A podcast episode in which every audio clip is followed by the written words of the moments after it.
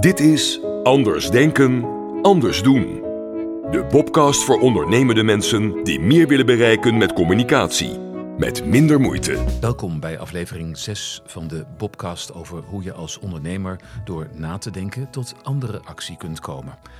Ik doe een doorvraagsessie met Ans Tros. Ans is psycholoog, trainer, coach, auteur en ondernemer. Ze richtte School voor Coaching op en schreef drie boeken, waarvan de laatste een handleiding lijkt te zijn voor wat we in deze podcast bespreken. De psychologie van reflection wordt systeembeheerder van je eigen leven. Ik wil alles van Ans weten over dat boek. En verder deel ik met haar een inzicht van Juno Burger over de intelligentie van het compassievolle hart, waardoor je jouw energiesysteem kunt ontladen en opnieuw kunt voeden. Ans en ik ruimden jarenlang als ondernemer en advocaat zakelijke dilemma's uit de weg, tot we ontdekten dat we allebei heel spiritueel geïnteresseerd zijn. Ik ben Bob Heren, advocaat, mediator en zakelijk gespreksleider met interesse, kennis en ervaring in dat wat je niet kunt zien, horen of vastpakken, maar wat er wel degelijk is. Doorvraagsessies, storytelling tot de kern van je verhaal. Anstros richtte School voor Coaching op, het opleidingsinstituut van Nederland. Dat deed ze samen met een vriendin. Vanaf 2006 ging ze alleen verder. En het moet in die tijd zijn geweest dat haar accountant haar adviseerde mij als advocaat aan te nemen. Ans en ik maakten kennis en het klikte meteen. En daarna was er een hoop te doen. Conflicten buitelden over elkaar heen en we losten ze samen op, meestal zonder rechter. En toen de rook van die oneenigheden was opgetrokken en Ans haar organisatie had ingericht zoals die voor haar goed voelde, hadden we tijd en gelegenheid om ons gesprek een diepere laag te geven. Ans werd voor mij een inspiratiebron als het gaat over anders denken en anders doen in een zakelijke omgeving. Ans, wat ongelooflijk fijn dat je er bent. Welkom. Dankjewel Bob, met heel veel plezier. Ja, het is echt een eer. Ik heb wel meerdere podcasts uh, met jou gehoord over jouw laatste boek, dat ik uiteraard heb verslonden, de psychologie van um, reflection. In het dankwoord van dat boek lees ik dat je met name erkentelijk bent voor de mensen met wie het schuurde en met wie de vriendschappen misliepen, omdat je van hen misschien wel het meeste hebt geleerd. Kun je dat toelichten? Ja, ja het um, zijn nooit leuke ontdekkingen om te merken dat je uit elkaar groeit, dat er dat het gaat schuren en dat er conflicten zijn. Maar het zet je wel op scherp over uh, je eigen normen en waarden. En het heeft me ook ontzettend veel ja, de spiegel voorgehouden over uh, hoe wil ik leven? Hoe wil ik mijn bedrijf leiden? Hoe wil ik met mensen omgaan? En het heeft me wakker gemaakt. En dan komt de Jungiaan in mij boven. Mm -hmm. Ehm, dat mensen iets spiegelen wat ik in mezelf nog onvoldoende heb onderkend of leren kennen. Want je hebt het over de Jungiaan, die hebt het over, over Carl Gustav Jung, hè, de, Klopt. de psycholoog. En, en in je boek heb je het over de hermetische wet van, van Jung. Ja. Zo buiten, zo binnen. Ja, klopt. En, en wat um, heeft die wet van Jung voor jou betekend? Nou, ik heb psychologie gestudeerd in de hoop mezelf beter te leren kennen. Viel wat tegen, maar een hoop geleerd en gedacht: ik word geen psycholoog na afloop. Ook omdat ik dacht: ik wil geen mensen in hokjes stoppen. En pas na mijn studie kwam ik in aanraking met de psychologie van Jung. Um, en die is gebaseerd op Oosterse filosofie, uh, religieuze inzichten, zingeving en contact maken met je onbewuste. Ja. En simpelweg is dat wat je je nog niet bewust bent van jezelf. Kunnen talenten zijn, maar ook ja, wat minder leuke eigenschappen. Um, en dat was voor mij eindelijk de theoretische basis om te snappen hoe, uh, ja, hoe triggers werken, hoe, waardoor je boos wordt, waardoor je geraakt wordt door anderen. Um, in mijn studie was ik een keer in een gesprek met een medestudent heel verdrietig geraakt omdat ze me niet begreep. wij kregen geen enkele context of uitleg over wat er was gebeurd. Pas toen ik Jung leerde begrijpen en leren kennen, uh, ontdekte ik van hé, hey, iets in de buitenwereld kan iets wat in mij diep verborgen ligt, wat ik helemaal niet meer weet, raken, triggeren. En dan moet je op zoek naar het thema. Dus in dit geval iemand die snapte mij niet. Ik kon me niet uitdrukken. Waardoor iets werd geraakt in mij. Ehm, en Jung geeft dus daarvoor een verklaring. Die geeft een theoretische basis van ja, dat is leuk. Dat is een thema in jou wat gezien wil worden, wat ruimte wil. Dus eigenlijk um, kwam die ruzie of oneenigheid met die medestudent voor jou op het juiste moment, omdat het iets in jou aanraakte wat nodig was om uitgewerkt te worden? Nou, dat was uh, misschien twintig jaar later. of vijftien jaar later dat ik dat pas goed kon pakken. Mhm. Goed begrijpen. En dat heeft mij altijd wel geïntrigeerd. Van ja, waarom leren we niks over onszelf? En waarom worden we zonder gebruiksaanwijzing op aarde gedumpt? Dat is toch niet aardig? Nee. Dus Jong was eigenlijk een beetje de missing link in jouw opleiding. Ja, want oorspronkelijk is psychologie ontstaan vanuit filosofie en religie spiritualiteit. Ja. En, en de psychologie van Jung was compleet. Die, was, uh, die bood een kader waarvan ik dacht, dit werkt. En dat ben je toen gaan integreren in je werk? Ja, dat ben ik echt gaan integreren in. Uh, ik was een van. Wij begonnen met coaching. Mm -hmm. En uh, achteraf denk ik: oh, wat heerlijk dat er geen opleidingen waren tot coach. Want dat betekende dat ik volop op mezelf kon vertrouwen. In wat ik zag, ervoer, voelde.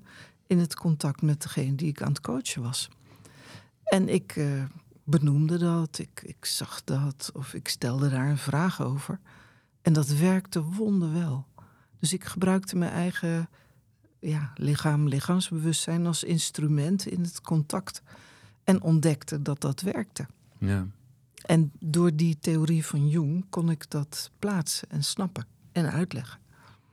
En heb je dat ook in de, in de opleiding voor coaches uh, kunnen verwerken? Ja, dat werd toen ook de basis van onze opleidingen.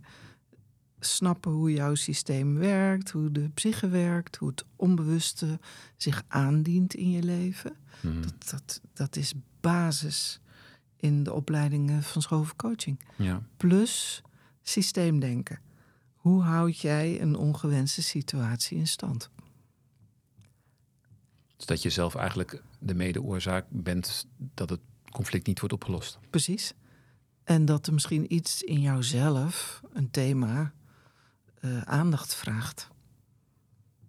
En het leuke is van dat huwelijk van Jung en systeemdenken. Um, in systeemdenken, en dat zegt Jung ook, als een thema zich aandient, hè, ik voel me niet gezien, of uh, iemand ziet mij niet, ik word er verdrietig of boos over, dan als je dat niet oplost in jezelf, krijg je het twee maanden later weer voor je kiezen. Ja, of dertig jaar later. Of dertig, geval maakt met jou, niet uh, uit. Medestudent. Zoals met een coachgesprek, dan uh, kwam er iemand bij me. Ja, ja, ruzie met mijn baas en bla bla. Dan vroeg ik dus altijd, heb je dat vaker meegemaakt? Ja, mijn vorige. En toen ook.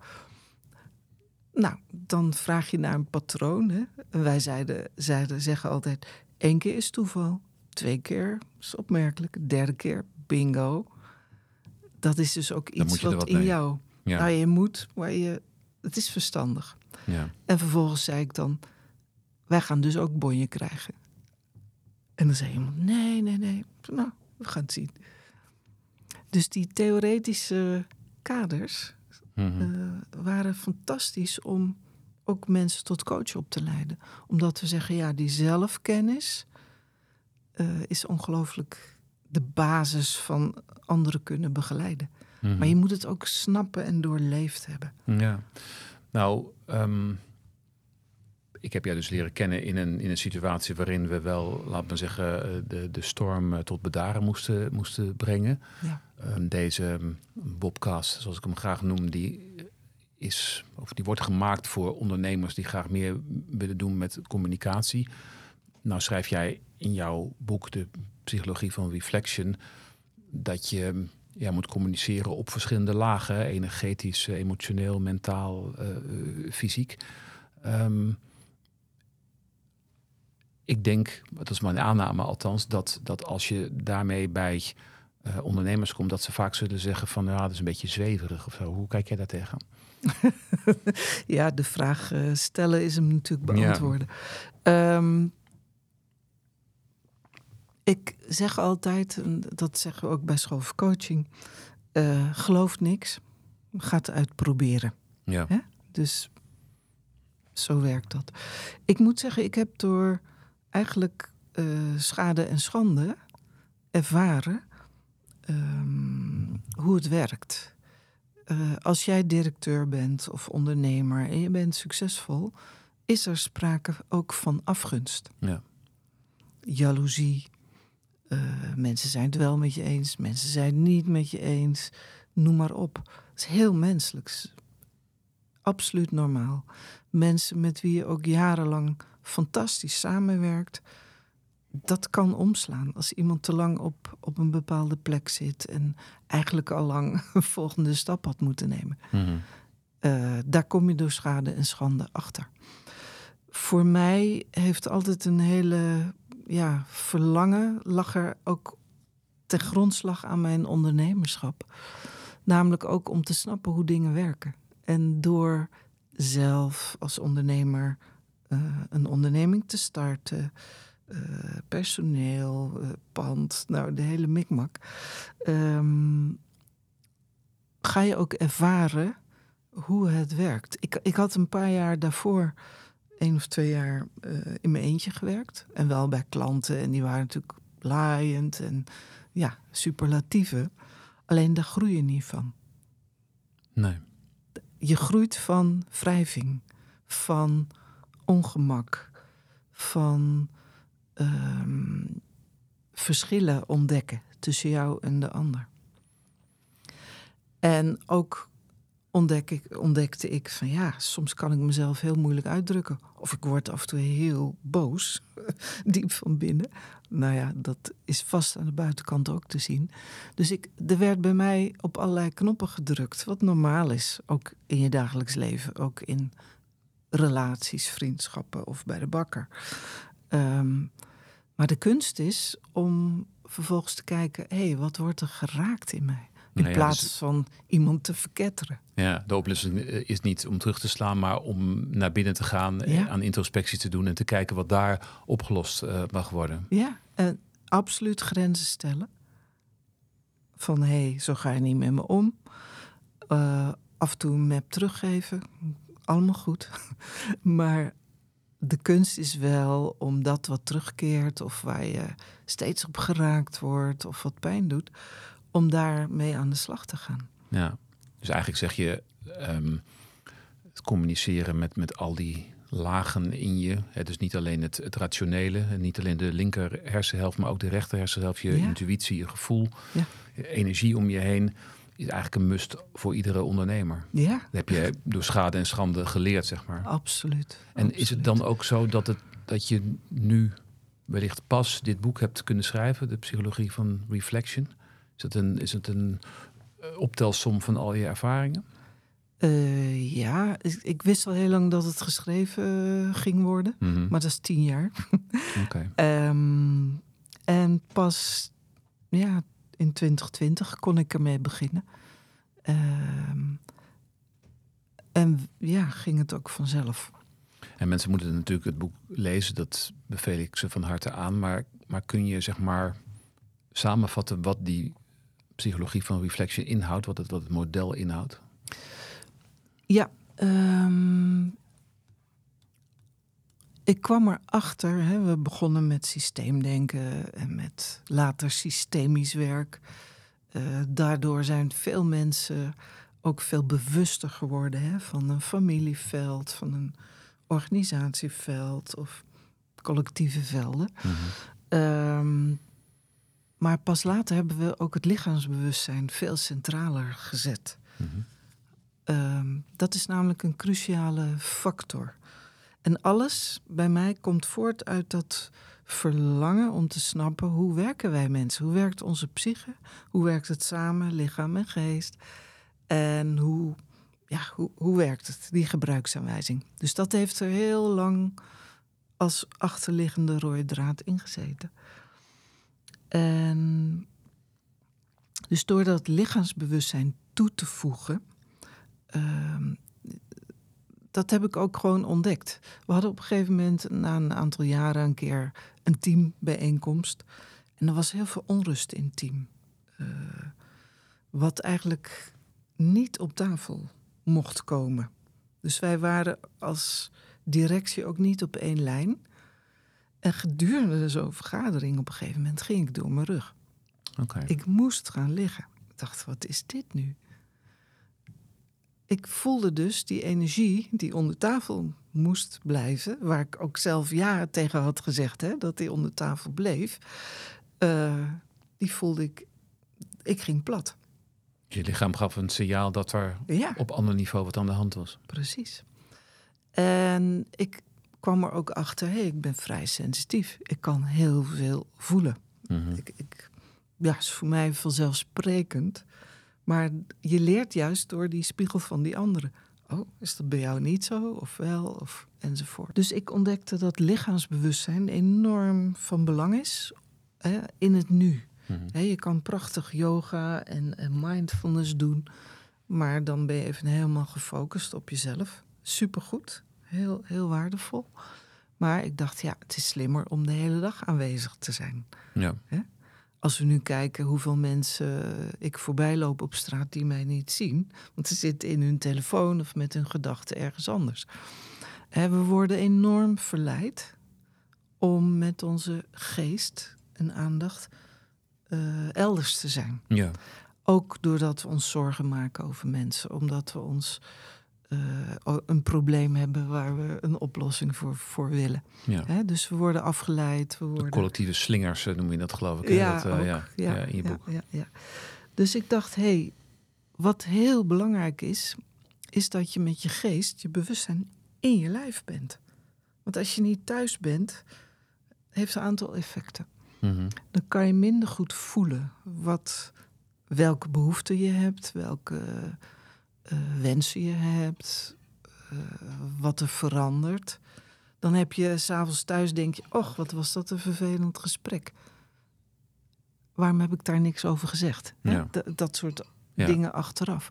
Dus naarmate je meer in het nu bent en dus met je bewustzijn in je lijf, ben je beter in staat om te voelen wat je nodig hebt en voor jezelf te zorgen. Ik denk dat burn-out ook een gevolg is van onvoldoende aanwezig in je lijf. En waarom gaan mensen eruit? Nou, omdat het niet lekker voelt in, de, in het lijf, omdat er emoties zijn, omdat er onbegrepen ja, lading, weet ik wat. Ehm, omdat ze schrikken of geschrokken zijn. Ik maak altijd de metafoor die de meeste mensen eigenlijk wel heel handig vinden. Zo van, stel je nou eens voor dat je lichaam een glas is. Een leeg Ja. glas.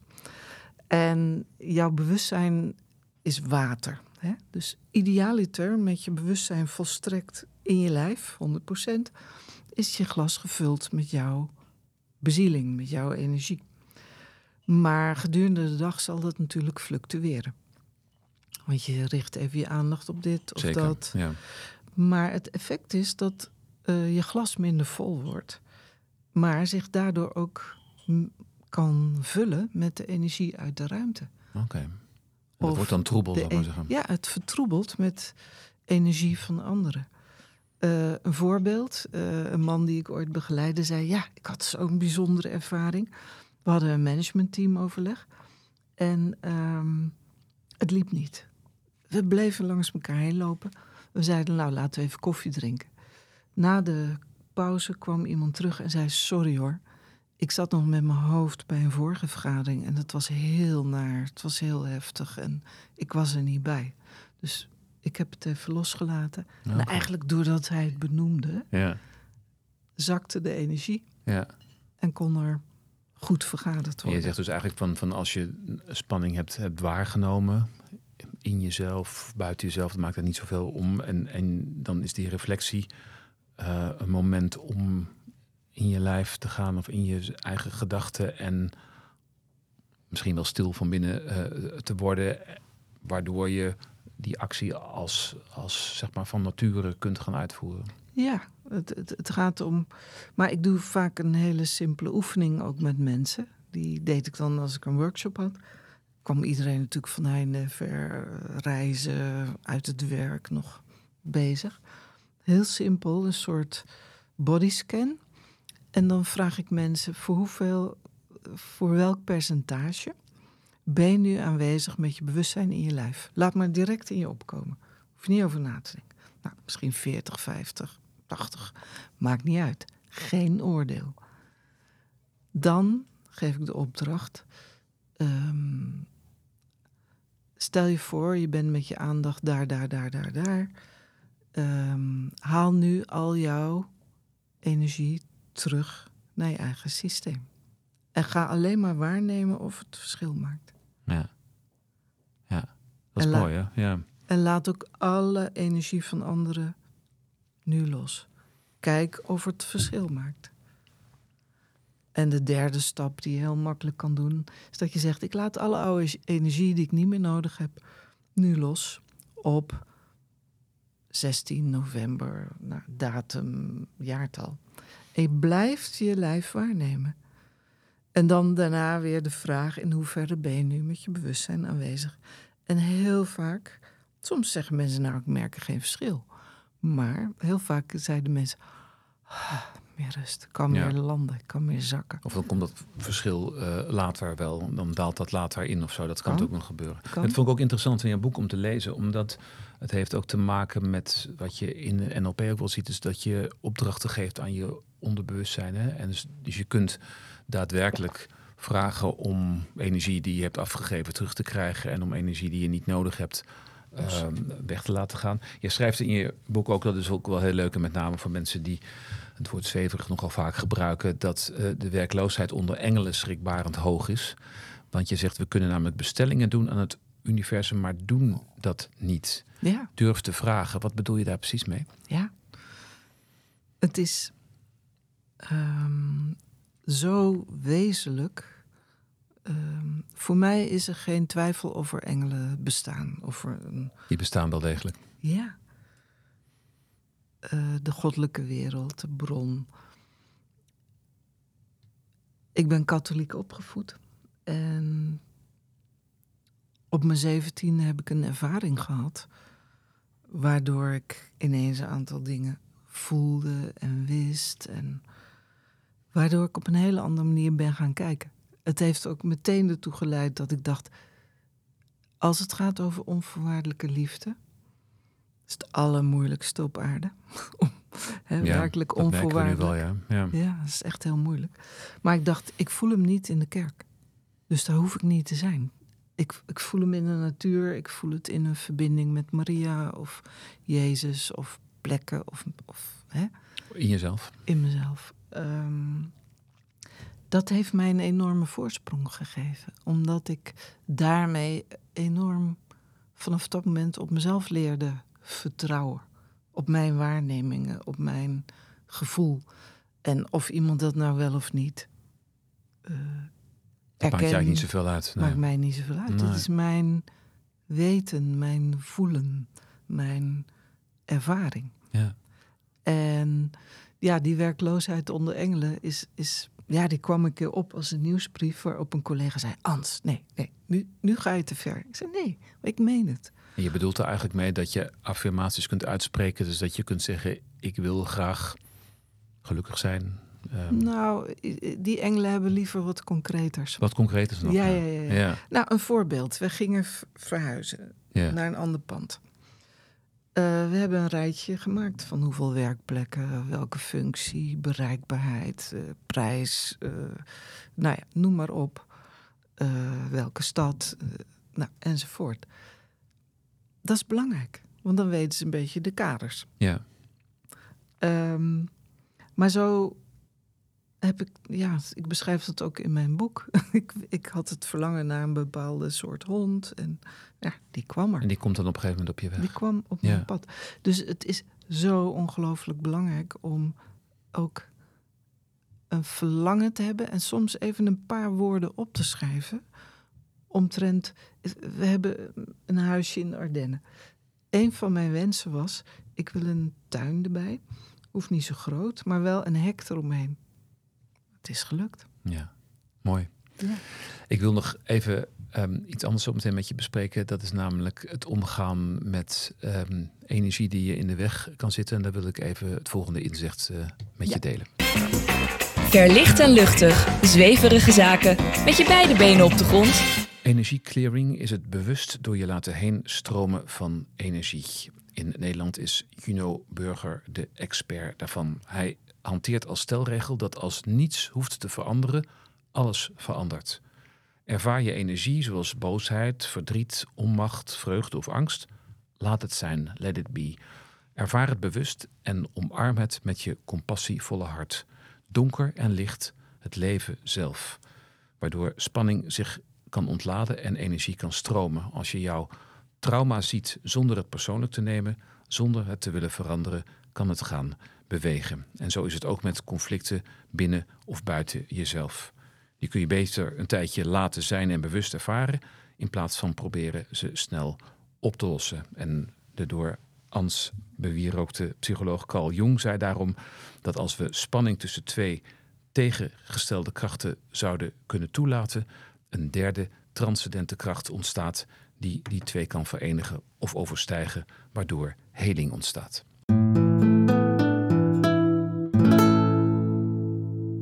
Vind je van Ans als je dit zo hoort? Fantastisch. Het is precies zoals het werkt.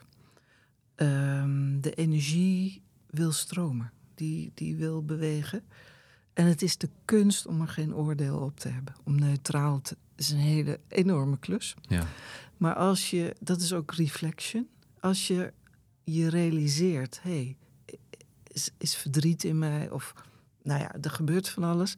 En je bent in staat om te zeggen: Oké, laat me gebeuren. Ik geef. Hè, ik, ik, ik, geef me over. Ik geef me over aan dat wat zich aan het ontvouwen is, wat aan het bewegen is, wat gezien, gehoord enzovoort. Dan los je lijf dat op. Ja, dus het grootste probleem is eigenlijk dat we ons verzetten tegen het, het probleem ja. waar we mee ja. geconfronteerd worden. Ja, en dan wordt het kramp of, of uiteindelijk ziekte of verharding in ons lijf. Maar als we in staat zijn om het door ons heen te laten gaan, fantastisch. Dat is werkelijk de kunst om. Uh, dat is ook integreren van iets wat in de schaduw zat. Ja, nou heb ik jou dat ook wel zien doen. Want um, we hebben natuurlijk samengewerkt als ondernemer en advocaat. En ik, ik weet wel, ik kan me wel herinneren dat ik me soms wel eens een beetje zorgen maakte.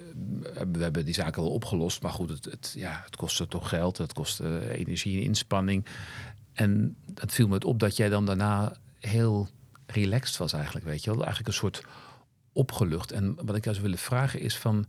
Ehm, hoe, hoe laat jij pijn of trauma's los uit het verleden? Het lijkt zo makkelijk, maar het is in de praktijk bij veel mensen zo moeilijk. Uh, door met aandacht daar naartoe te gaan. Um, door. En als het niet beweegt, dan kan je ook nog vragen. Er zijn allerlei technieken, ook healing technieken. Van is er iets wat de energie vasthoudt? Of heeft het met iets of iemand te maken? Dat kan ik allemaal innerlijk doen, kan het hardop doen. Um, en dan op die manier kom je er dus achter dat je een bondje hebt met iemand of een onbewuste afspraak om energie over te nemen of pijn over te nemen enzovoort. Dus ik heb een heleboel dingen ontdekt door mezelf vragen te stellen, innerlijk of hardop. En soms ook dus de vraag te stellen, ja, wat als ik merk dat ik plotseling verdrietig word of plotseling ongemakkelijk of hoofdpijn of weet ik vaak uit ervaring nu. Hé, hey, uh, dat hoeft niet van mij te zijn. Ik pik iets op wat er nu in de ruimte is of speelt. En door daarmee in gesprek te gaan, vanuit neutraliteit, Mhm.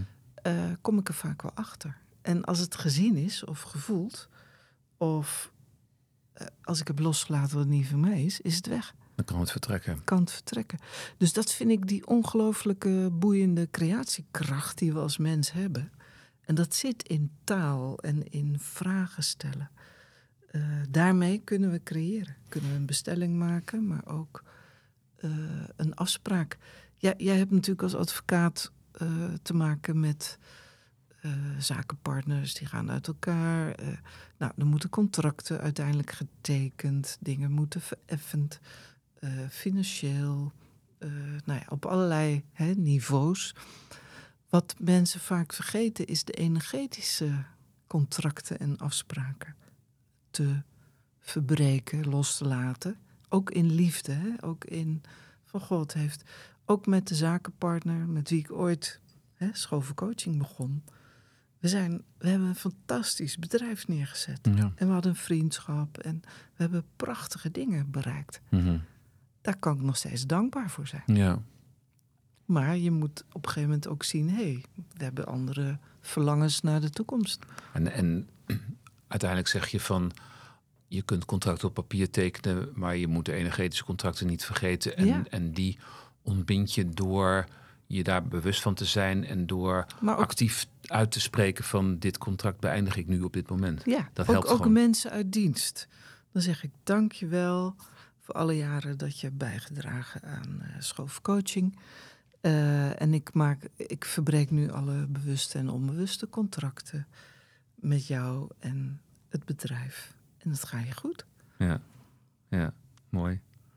Wat wil jij ehm, ondernemers, behalve de tip die ik ze dan geef om het boek te lezen, ehm, meegeven om meer te bereiken met hun communicatie of hun communicatie te verdiepen? Ja, eigenlijk belangrijkste is durf naar jezelf te kijken.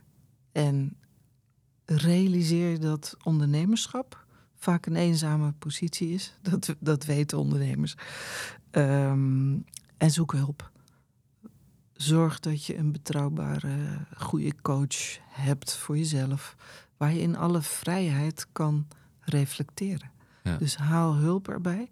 Maar leer ook voor jezelf wat zijn mijn triggers, mijn pijnpunten. En hoe je daar zelf mee om kunt gaan. Want je kunt een heleboel. En je wordt effectiever als je meer in je lijf landt.